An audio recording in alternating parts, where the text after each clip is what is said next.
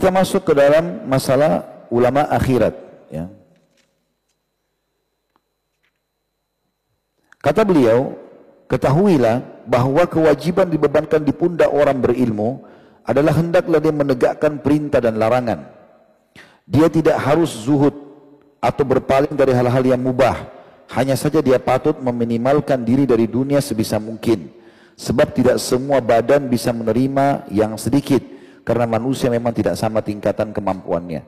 Maksudnya di awal pembukaan tentang ulama akhirat ini, bukan berarti ulama sudah faham agama lalu kemudian dia menonjol hanya untuk menunjukkan dia itu menjaga diri dari segala macam hal termasuk yang mubah. Enggak. Mubah boleh.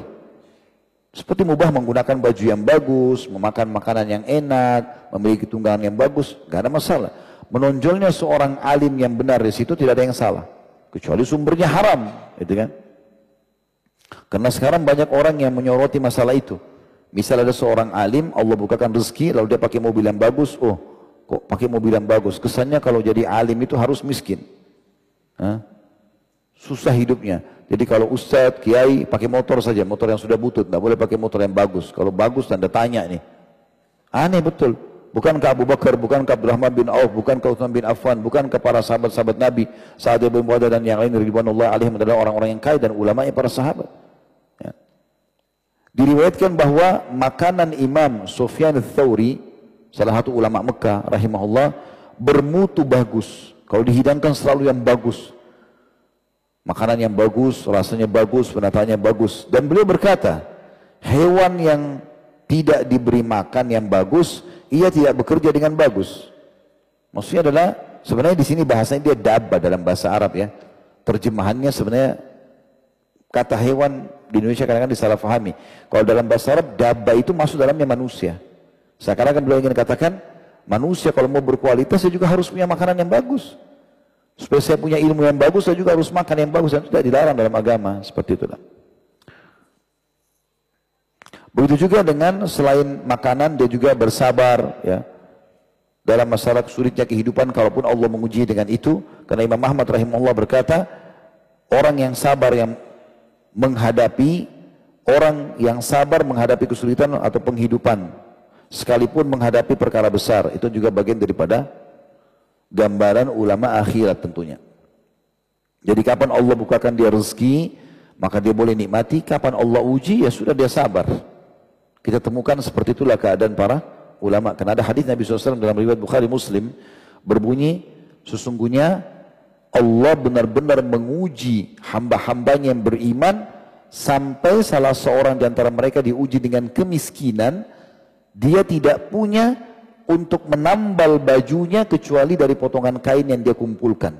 Tetapi ketahuilah, mereka menikmati cobaan itu sebagaimana kalian menikmati kemewahan. Jadi mereka sudah sampai pada tingkat ilmunya mengontrol mereka menjadi orang yang sangat luar biasa gitu. Kata beliau di antara sifat ulama akhirat adalah mereka menyadari bahwa dunia ini remeh, tidak pernah menjadi target utamanya. Bahwa akhirat itu justru mulia. Dunia dan akhirat adalah istri dengan madunya.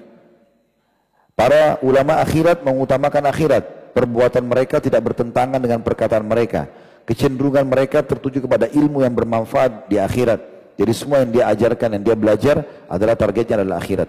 Menjauhi ilmu yang manfaatnya sedikit demi mementingkan ilmu yang manfaatnya agung. Sebagaimana diriwayatkan dari Syakik Al-Balkhi. Bahwa dia pernah berkata kepada Hatim. Syakik ini guru. Hatim muridnya. Dia bilang, kamu sudah bergaul denganku beberapa waktu lamanya, tepatnya beberapa tahun ya. Apa yang telah kau pelajari? Kau dapat ilmu nggak selama kau belajar dengan saya? Si guru ini Asyakik, Syakik al-Balkhi berkata kepada Hatim. Lalu Hatim menjawab, ya, aku mendapatkan delapan masalah penting. Yang pertama, jadi seperti inilah contoh yang ingin disebutkan Ibnu Qudama, guru yang kejar akhirat karena dia ikhlas ilmunya bermanfaat, murid juga yang kejar akhirat dari gurunya, dia belajar sehingga dia bisa menyimpulkan apa yang dia pelajari. Pertama, aku memperhatikan manusia dan ternyata setiap orang mempunyai orang yang dicintainya. Bila sudah tiba di kuburan, maka keduanya berpisah. Jadi kalau ada orang cinta istrinya, cinta suaminya, cinta temannya, Mereka terus bersama-sama selama dunia. Tapi begitu mereka meninggal, tiba di kuburan pasti berpisah. Maka aku menjadikan yang kucintai adalah kebaikan-kebaikanku agar ia senantiasa bersamaku hingga dalam kubur. Jadi Hatim berkata, yang aku ambil pelajaran pertama dari anda wahai guruku adalah aku akan mencintai amal solehku melebihi semua ya yang aku akan berpisah dengannya di dunia. Maksudnya istri, suami, orang tua, aku lebih cinta ilmu, gitu Karena ilmu tidak akan berpisah denganku. Yang kedua, aku membaca firman Allah, maksudnya yang sering kau ucapkan hai guru. Yang bunyinya dalam surah An-Nazi'at ayat 40 A'udzubillahi minasyaitonir rajim wa nahan nafsa 'anil hawa dan menahan diri dari keinginan hawa nafsu. Maka aku berusaha keras agar jiwaku melawan hawa nafsuku sehingga ia bersemayam di atas ketaatan kepada Allah.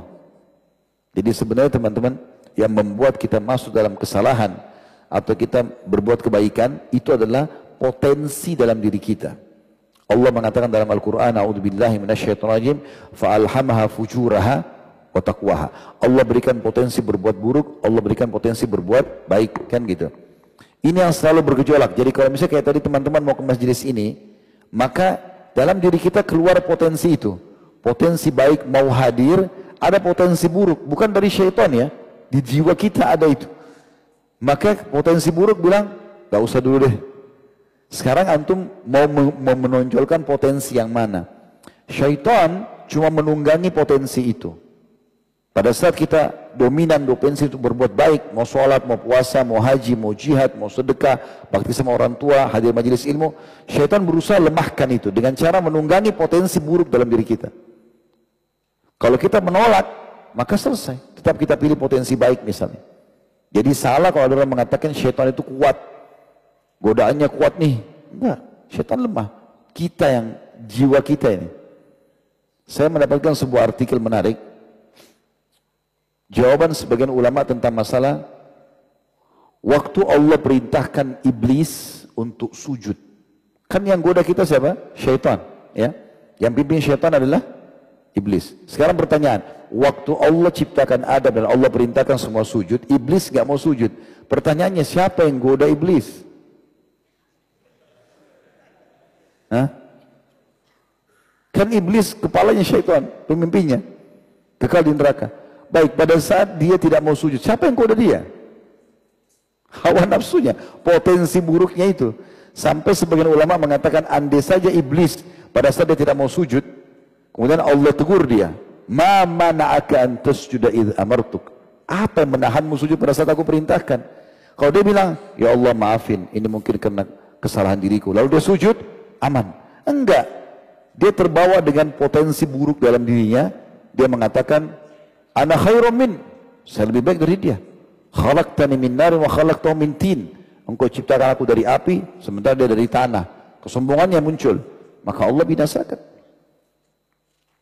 Jadi masalah hawa nafsu. Beliau mengatakan, aku belajar yang kedua dari anda, bahwasanya hawa nafsu ini harusnya bisa dikontrol. Ada potensi buruk itu, kita cuma alihkan pada hal yang baik saja. Kemudian disebutkan yang ketiga, aku melihat siapa yang mempunyai sesuatu yang berharga, maka dia akan menjaganya. Kemudian aku memperhatikan firman Allah Ta'ala dalam surah An-Nahl ayat 96. A'udhu billahi minasyaitan rajim. Ma'indakum yanfad wa ma'indallahi baq. Apa yang di sisimu akan lenyap dan apa yang di sisi Allah adalah kekal. Maka setiap aku mempunyai sesuatu yang berharga, aku memberikannya kepada Allah agar ia tetap terjaga di sisinya. Bisa ditangkap pesannya? Jadi kalau misalnya saya punya harta, harta yang paling bagus menurut saya, misalnya emas atau apa saja, maka yang paling pertama aku lakukan adalah, adalah aku sedekahkan di jalan Allah. Karena di sisi Allah tidak akan hilang. Jadi karena ilmunya dia jadi faham masalah itu. Di sisi Allah tidak akan hilang. Ini juga tentu banyak hadis yang mendukung ya. Ada hadis-hadis sahih, riwayat Bukhari, Muslim, ahli sunnah semua menyeriwayatkan yang kata Nabi SAW, kalau seseorang hamba, seseorang hamba bersedekah, maka Allah menerimanya. Ya, kemudian memeliharanya sebagaimana tanaman atau bibit tanaman yang ditanamkan sampai akhirnya tumbuh menjadi pohon yang sangat besar. Yang keempat, yang aku ambil dari anda adalah aku melihat orang-orang berlomba-lomba dalam urusan harta, kedudukan, dan kemuliaan Padahal ia bukan apa-apa. Lalu aku memperhatikan firman Allah Ta'ala dalam surah Al-Hujurat ayat 13. A'udzu billahi minasyaitonir rajim. Inna akramakum indallahi atqakum. Sesungguhnya orang yang paling mulia di antara kamu di sisi Allah bukan orang yang punya jabatan, punya harta, punya ketampanan, kecantikan, tapi orang yang paling bertakwa di antara kamu. Maka aku berusaha bertakwa agar menjadi orang mulia di sisi Allah.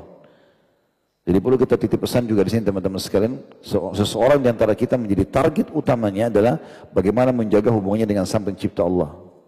Nanti Allah kalau kita jaga hubungan dengannya akan memperbaiki hubungan kita dengan makhluk. Sebagaimana sabda Nabi SAW, kalau Allah mencintai seorang hamba, Allah akan menyuruh Jibril mencintainya, lalu menyuruh seluruh penghuni langit mencintainya, lalu Allah tanamkan kecintaan di muka bumi. Maka orang akan suka dengan dia. Itu berarti tandanya Allah cinta dengan dia. Tentu akan ada orang memusuhi dia, orang yang tidak sejalan. Seperti orang kalau bertakwa kepada Allah, Nabi SAW orang yang paling bertakwa tapi dibenci oleh orang munafik, dibenci oleh orang-orang kafir, itu wajar. Tapi yang sesama dengan dia, sama orang beriman tidak akan membencinya. Yang kelima, aku pelajari juga, aku melihat orang-orang saling dengki. Setiap ada lihat saudaranya naik, pasti yang dicari adalah kesalahannya. Lalu aku memperhatikan firman Allah Ta'ala dalam surah Zuhruf ayat 32, A'udzu billahi minasyaitonir rajim. Nahnu qasamna nahnu qasamna bainahum ma'isyatahum fil hayatid dunya. Kami telah menentukan antara mereka penghidupan mereka dalam kehidupan dunia. Maka aku meninggalkan sifat dengki. Artinya Allah sudah membagi kita akan mendapatkan rezeki apa yang sudah Allah tentukan. Tidak akan pernah lagi berubah. Dan tidak ada istilah rezeki kita diambil oleh orang lain. Itu kaidah dasar syar'i itu. Ini juga Hasan Basri pernah sampaikan, aku selalu tenang dan senang karena dua hal. Aku selalu senang dan tenang karena aku tahu ajalku sudah ditentukan oleh Allah sehingga aku tinggal beramal. Toh aku sehat atau sakit pasti mati satu waktu. Jadi tidak usah pikirkan kapan aku mati, pokoknya beramal aja. Dan aku selalu senang dan tenang karena aku tahu Allah sudah menentukan rezekiku tidak akan pernah diambil oleh orang lain. Kapan antum masuk ke satu proyek, ternyata antum tidak dapat orang lain dapat, berarti rezeki dia, bukan rezeki kita. Itu sebuah kaidah syar'i.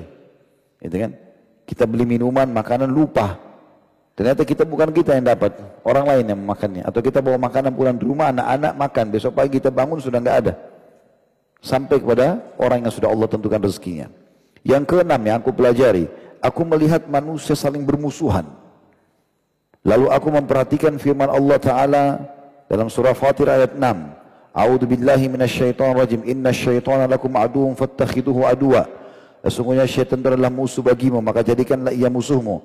Maka aku tidak memusuhi manusia dan sebaliknya menjadikan syaitan sebagai musuh satu-satunya. Makna kalimat ini adalah kalau ada orang berbuat salah depanku, aku tidak akan membenci dia. Sebagai manusia, aku akan membenci syaitan yang menunggangi hawa nafsu dia untuk menyesatkannya. Artinya perbuatannya. Saya pernah berbagi itu teman-teman sekalian. Kalau ada orang berbuat salah depan kita, yang kita benci adalah perbuatannya, bukan fisiknya. Ya. Makanya kalau ada orang kafir, benci Islam segala macam, lalu dia masuk Islam, perbuatannya yang jahat dulu hilang. Kalau orang benci fisiknya, walaupun sudah masuk Islam, dia akan dihukum, akan dibunuh, akan segala macam. Tapi kalau orang faham, kaidah syar'i ternyata yang kita benci adalah perbuatan pelanggarannya, gitu kan? sifat buruknya, kalau dia sudah ubah, dia sudah taubat, maka berarti sudah tidak ada masalah. Maka itu yang difahami, itu yang harusnya difahami sesuai dengan panduan syariat Allah Subhanahu wa taala. Yang ketujuh yang aku pelajari, aku melihat manusia merendahkan diri mereka dalam mencari rezeki. Sampai luar biasa, mau haram pun tidak masalah. Sampai mengemis-ngemis, merendahkan dirinya di hadapan orang. Padahal aku memperhatikan firman Allah Ta'ala dalam surah Hud ayat 6. A'udzu billahi minasyaitonir rajim. Wa ma min dabbatin fil ardi illa 'ala Allahi rizquha. Tidak ada satu binatang melata pun di bumi melainkan Allah lah yang memberi rezekinya. Maka aku menyibukkan diriku dengan apa yang menjadi hak Allah atasku dan meninggalkan hakku di sisinya. Yang kedelapan, aku melihat mereka bertawak, bertawakal atau mengandalkan perdagangan. Bertawakal, maaf, bertawakal Ya, di sini bukan bertawakal, tawakal kembalikan kepada Allah. Dia mengandalkan perdagangan, pekerjaan dan kesehatan tubuh mereka, maka aku bertawakal kepada Allah. Mereka bertawakal kepada manusia, atau aku bertawakal kepada Allah. Jadi mereka kembalikan urusan kepada manusia, aku kembalikan urusanku kepada Allah. Kalau kepada manusia diistilahkan dengan tawakul, tawakul, beda sama tawakal. Ini mirip yang pernah saya sampaikan riwayat Bukhari. Pernah ada sahabat yang mau datang ke majelis Nabi Shallallahu Alaihi Wasallam, kemudian dia tidak ikat untanya, dia mengatakan tawakal tu Allah. Aku nyerahkan urusan kepada Allah. Tapi dia tidak ikat. Dia masuk masjid, untanya lari. Dikejarlah sama dia unta tersebut. Unta kuat sekali kalau lari, susah ditangkap.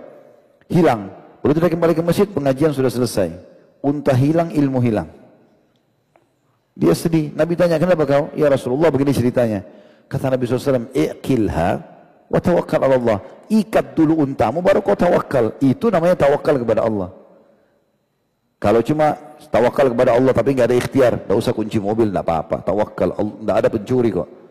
Lalu kalau dia keluar dari masjid hilang mobilnya, disalahkan Allah, kan tidak mungkin. Itu namanya tawakul, bukan tawakal. Ya. Yang kedelapan, aku melihat mereka bertawakal, mengandalkan perdagangan, pekerjaan dan kesehatan tubuh mereka, maka aku bertawakal kepada Allah. Di antara sifat juga ulama akhirat lainnya adalah bahwa mereka menahan diri dari para sultan, kalau untuk mengejar masalah dunia ya. Tapi kalau dia datang kepada sultan, para penguasa untuk menasehati atau menyampaikan hak-hak orang-orang yang tertolimi, maka itu tidak ada masalah. Tapi kalau dia bolak-balik masuk ke istana penguasa, ya, hanya karena supaya punya hubungan baik sama dia dalam arti kata nanti ada masalah-masalah dunia akan dimudahkan urusannya, maka ini yang masuk dalam hardikan yang disebutkan di sini. Kata Hudzaifah, saya ulangi di antara sifat ulama ulama akhirat kata Ibnu Qudamah rahimahullah adalah bahwa mereka menahan diri dari para sultan, menjaga jarak dalam bergaul dengan mereka. Artinya sebatas kenal iya. Ada yang perlu dinasihatin iya. Ada masalah-masalah yang perlu diingatkan karena kesalahan iya. Tapi kalau tiap hari duduk sama mereka, ini jadi masalah juga ini, gitu kan? Hudzaifah radhiyallahu anhu sahabat Nabi yang mulia berkata, "Iyyakum wa mawaqifal fitan." Qila wa mahiyya? Qala abwabul umara yadkhulu ahadukum 'ala al-amir fayusaddiquhu bil kadhib wa yaqulu ma laysa fi. Jauhi titik-titik fitnah. Maksudnya fitnah nanti kau susah lepas kalau sudah masuk di situ. Maka beliau ditanya, apa itu titik-titik fitnah? Maka beliau radhiyallahu anhu Hudzaifah berkata, pintu-pintu para penguasa. Salah seorang di antara kalian datang kepada penguasa lalu dia membenarkannya dalam kebohongan dan mengatakan apa yang tidak ada padanya. Karena sudah tiap hari interaksi, nanti akhirnya nggak enak, ya sama si fulan, pemimpin ini, pemimpin itu, raja ini, presiden itu, bupati ini, wali kota itu, jadi nggak enak karena sudah tiap hari sama-sama. Akhirnya kalaupun ada perbuatan salahnya dia benarkan, padahal dia tahu hukum itu tidak boleh. Tapi kalau orang interaksi sebatas yang dibutuhkan, karena memang dia mau menyampaikan nasihat atau memang dia mau meluruskan kesalahan misalnya atau menyampaikan aspirasi masyarakat ya, yang memang harus disampaikan supaya bisa uh, sampai dan di, dijawab oleh para penguasa itu tidak ada masalah. Sa'id bin Musayyib rahimahullah berkata, "Idza ra'aitumul 'alima yaghshal umara fahdharu minhu fa innahu lis." Bila kamu melihat seorang alim keluar masuk terus kepada para penguasa, maka waspadailah dia karena dia adalah maling ini kata ulama besar. Saya bin Musayyib ini muridnya Abdullah bin Umar. Jadi zaman dulu itu ulama itu punya kedudukan. Gak sembarangan dia main masuk-masuk ke istana penguasa. Enggak. Dibutuhkan penguasa yang datang bahkan. Ilmu itu didatangi. Tapi kalau dia bawa ilmunya ngerengek-ngerengek depan orang, akhirnya jadi murah ilmu agama itu. Sebagian salaf berkata, "Innaka lan tusiba min dunyahum syai'an illa asamu min dinika afdala minhum. Sesungguhnya kamu tidak mendapatkan dunia penguasa sedikit pun kecuali penguasa tersebut mendapatkan yang lebih besar dari agamamu. Artinya kalau kau seorang alim bolak-balik terus masuk ke istananya mereka tanpa ada hajat untuk menasihatin, tanpa tadi meluruskan kesalahan gitu kan, tanpa menyampaikan sesuatu kedoliman terjadi yang mereka mungkin tidak tahu gitu kan, seperti itu, maka bolak-balik ini kalau kau datang ke sana, kedatanganmu sudah cukup. Kalau mereka ngambil nama baikmu misalnya karena oh si alim fulan datang, maka mereka akan banyak mengambil dari urusan agamamu. Maksudnya nanti kau akan toleransi banyak. Haram kau halalkan juga karena sudah nggak enak sama si fulan dan si fulan. Padahal agama ini harus dimuliakan. Para ulama wajib memahami, para dai wajib memahami kalau mereka tanda kutip bekerja kepada raja yang sebenarnya. Allah subhanahu wa ta'ala. Tidak butuh dengan manusia ini. Ilmu itu mulia, jangan direndahkan. Hanya karena urusan uang, jabatan, tanah yang mau dibebasin. Ini enggak ada gelar ulama pada mereka mestinya. Di antara sifat ulama akhirat adalah tidak terburu-buru dalam berfatwa. Tidak berfatwa kecuali dengan apa yang dipastikan kebenarannya. As-salaf saling menolak memberikan fatwa sehingga pertanyaan itu kembali lagi kepada orang pertama. Abdurrahman bin Abu Layla berkata rahimahullah, salah satu ulama tabi'in, dia berkata di masjid ini aku sempat mendapatkan atau ber, berjumpa dengan 120 orang sahabat Rasulullah SAW. Di mana tidak seorang pun dari mereka yang ditanya tentang hadis atau fatwa kecuali dia berharap saudaranya menjawabnya. Jadi di sini teman-teman sekalian bukan tidak boleh berfatwa tapi kalau sudah tahu ya. Atau sebagian ulama mengatakan ghalaba ala dhannihi. Jadi dia memang lebih yakin cenderung pada keyakinan sudah benar. Kan dia pernah dengar dari ulama lain dia, dia belum memastikan lalu dia sampaikan gitu kan? Maka itu masih ada yang ditoleransi gitu kan? Makanya ulama madhab pun seperti Imam Syafi'i, Imam Ahmad ada dikatakan kalau kita baca tentang masalah presiden pendapat misalnya biasa dikatakan ini pendapat Imam Syafi'i, Imam Ahmad dalam satu riwayat. Pendapat kedua misalnya pendapat pertama mengatakan boleh. Pendapat kedua mengatakan tidak boleh misalnya. Atau tadinya wajib yang satu mengatakan sunnah misalnya. Pendapat kedua juga dikatakan ini juga pendapat Imam Syafi'i dan Imam Ahmad dalam riwayat yang lain. Karena mereka ada yang tadinya mengeluarkan kemudian dianggap ada yang lebih baik maka ditinggalkanlah yang pertama. Gitu kan? Saya pernah tanyakan kepada Syekh Soleh Suhaimi masalahnya. Sebenarnya Syekh kadang-kadang kita yakin dengan sebuah pendapat dan kita sampaikan dalam pengajian karena pernah dengarkan dari majelis-majelis di Masjid Nabawi dari mungkin di kelas gitu kan tapi memang belum memastikan 100% tentang dalilnya lalu kita sampaikan ternyata setelah itu datang dalil yang lebih kuat atau memang ada di antara dai-dai yang lain mengingatkan dan kami menerimanya. Bagaimana keadaan yang dia bilang itu normal terjadi. Dia bilang saya pernah berselisih pendapat dengan beberapa ulama di Masjid Nabawi karena beliau juga mengajar. Kemudian saya melihat setelah berdiskusi sama mereka, dulu saya fatwakan A, setelah saya diskusi saya dapat pendapat yang lebih baik, maka saya menariknya. Dan itu bukan aib. Yang salah kalau orang itu dia memberikan fatwa dia keliru misalnya, walaupun tadi dia yakin itu adalah sebuah kebenaran karena dia pernah mempelajarinya misalnya, Kemudian dia tidak mau waktu diluruskan. Nah itu yang buruk di sini. Ya. Tapi kalau dia salah kemudian dia diluruskan maka itu juga insya Allah masih masuk dalam kategori para penuntut ilmu yang memang benar salah bisa terjadi tentunya tapi bukan hal yang disengaja.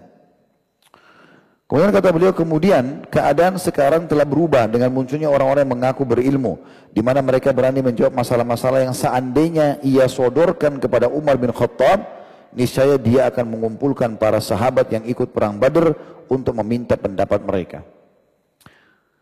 Pernah terjadi Umar bin Khattab ini radhiyallahu adalah ulamanya sahabat, ada yang tidak kenal beliau. Allah sebarkan namanya ya dan dikagumi oleh hampir semua muslim dan muslimah gitu kan radhiyallahu anhu. Satu waktu beliau dapat keluhan dari beberapa anak muda di Madinah, geluh kesah kenapa sebagian perempuan kalau dilamar maharnya mahal.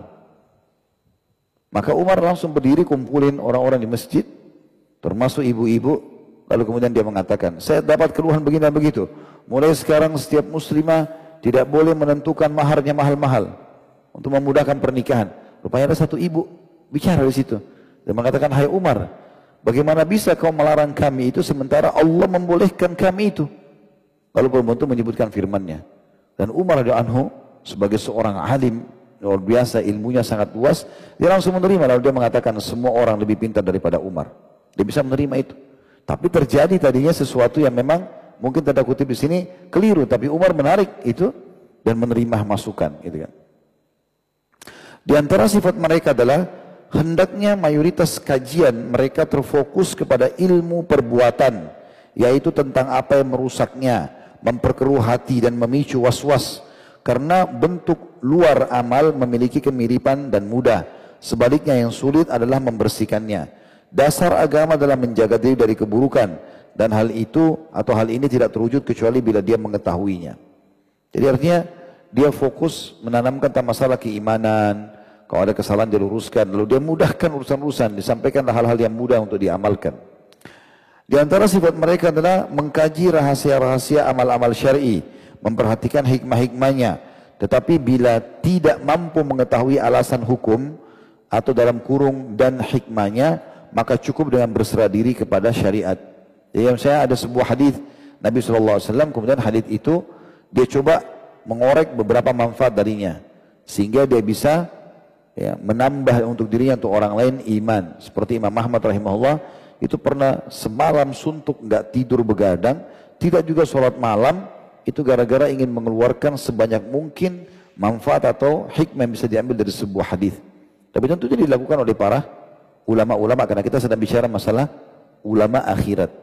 Bukan semua orang bisa melakukan ini tentunya. Karena kalau kita belum punya ilmunya lalu kita coba menarik segala macam hikmah yang menurut kita baik belum tentu benar, gitu kan? Belum tentu benar. Dan yang terakhir di antara sifat mereka kata Ibnu Qudamah rahimahullah adalah mengikuti para sahabat dan tabi'in terpilih dan menjauhi semua bid'ah. Ini kita ingatkan kembali sebagai penutup hadis Nabi alaihi salatu terpecah terpecah Yahudi 71 golongan, Yahudi 72 umatku, umatku ada kunya 73. Apa kata Nabi? Semuanya lewat neraka. Masuk neraka kecuali satu. Kata Nabi SAW. Dan para sahabat bertanya, siapa yang satu itu ya Rasulullah dalam sebuah riwayat? Nabi SAW mengatakan al-jamaah. Komunitas. Ya. Al-jamaah itu komunitas kaum muslimin gitu kan. Nah di zaman sekarang, kata sebagian ulama, ada orang yang memaknakan al-jamaah ini maksudnya adalah mayoritas umat Islam. Jadi kalau sudah mayoritas umat Islam melakukan, berarti nggak masalah. Ini keliru pemahamannya diluruskan. Karena yang dimaksud dengan al-jamaah adalah dikuatkan dengan hadis yang lain.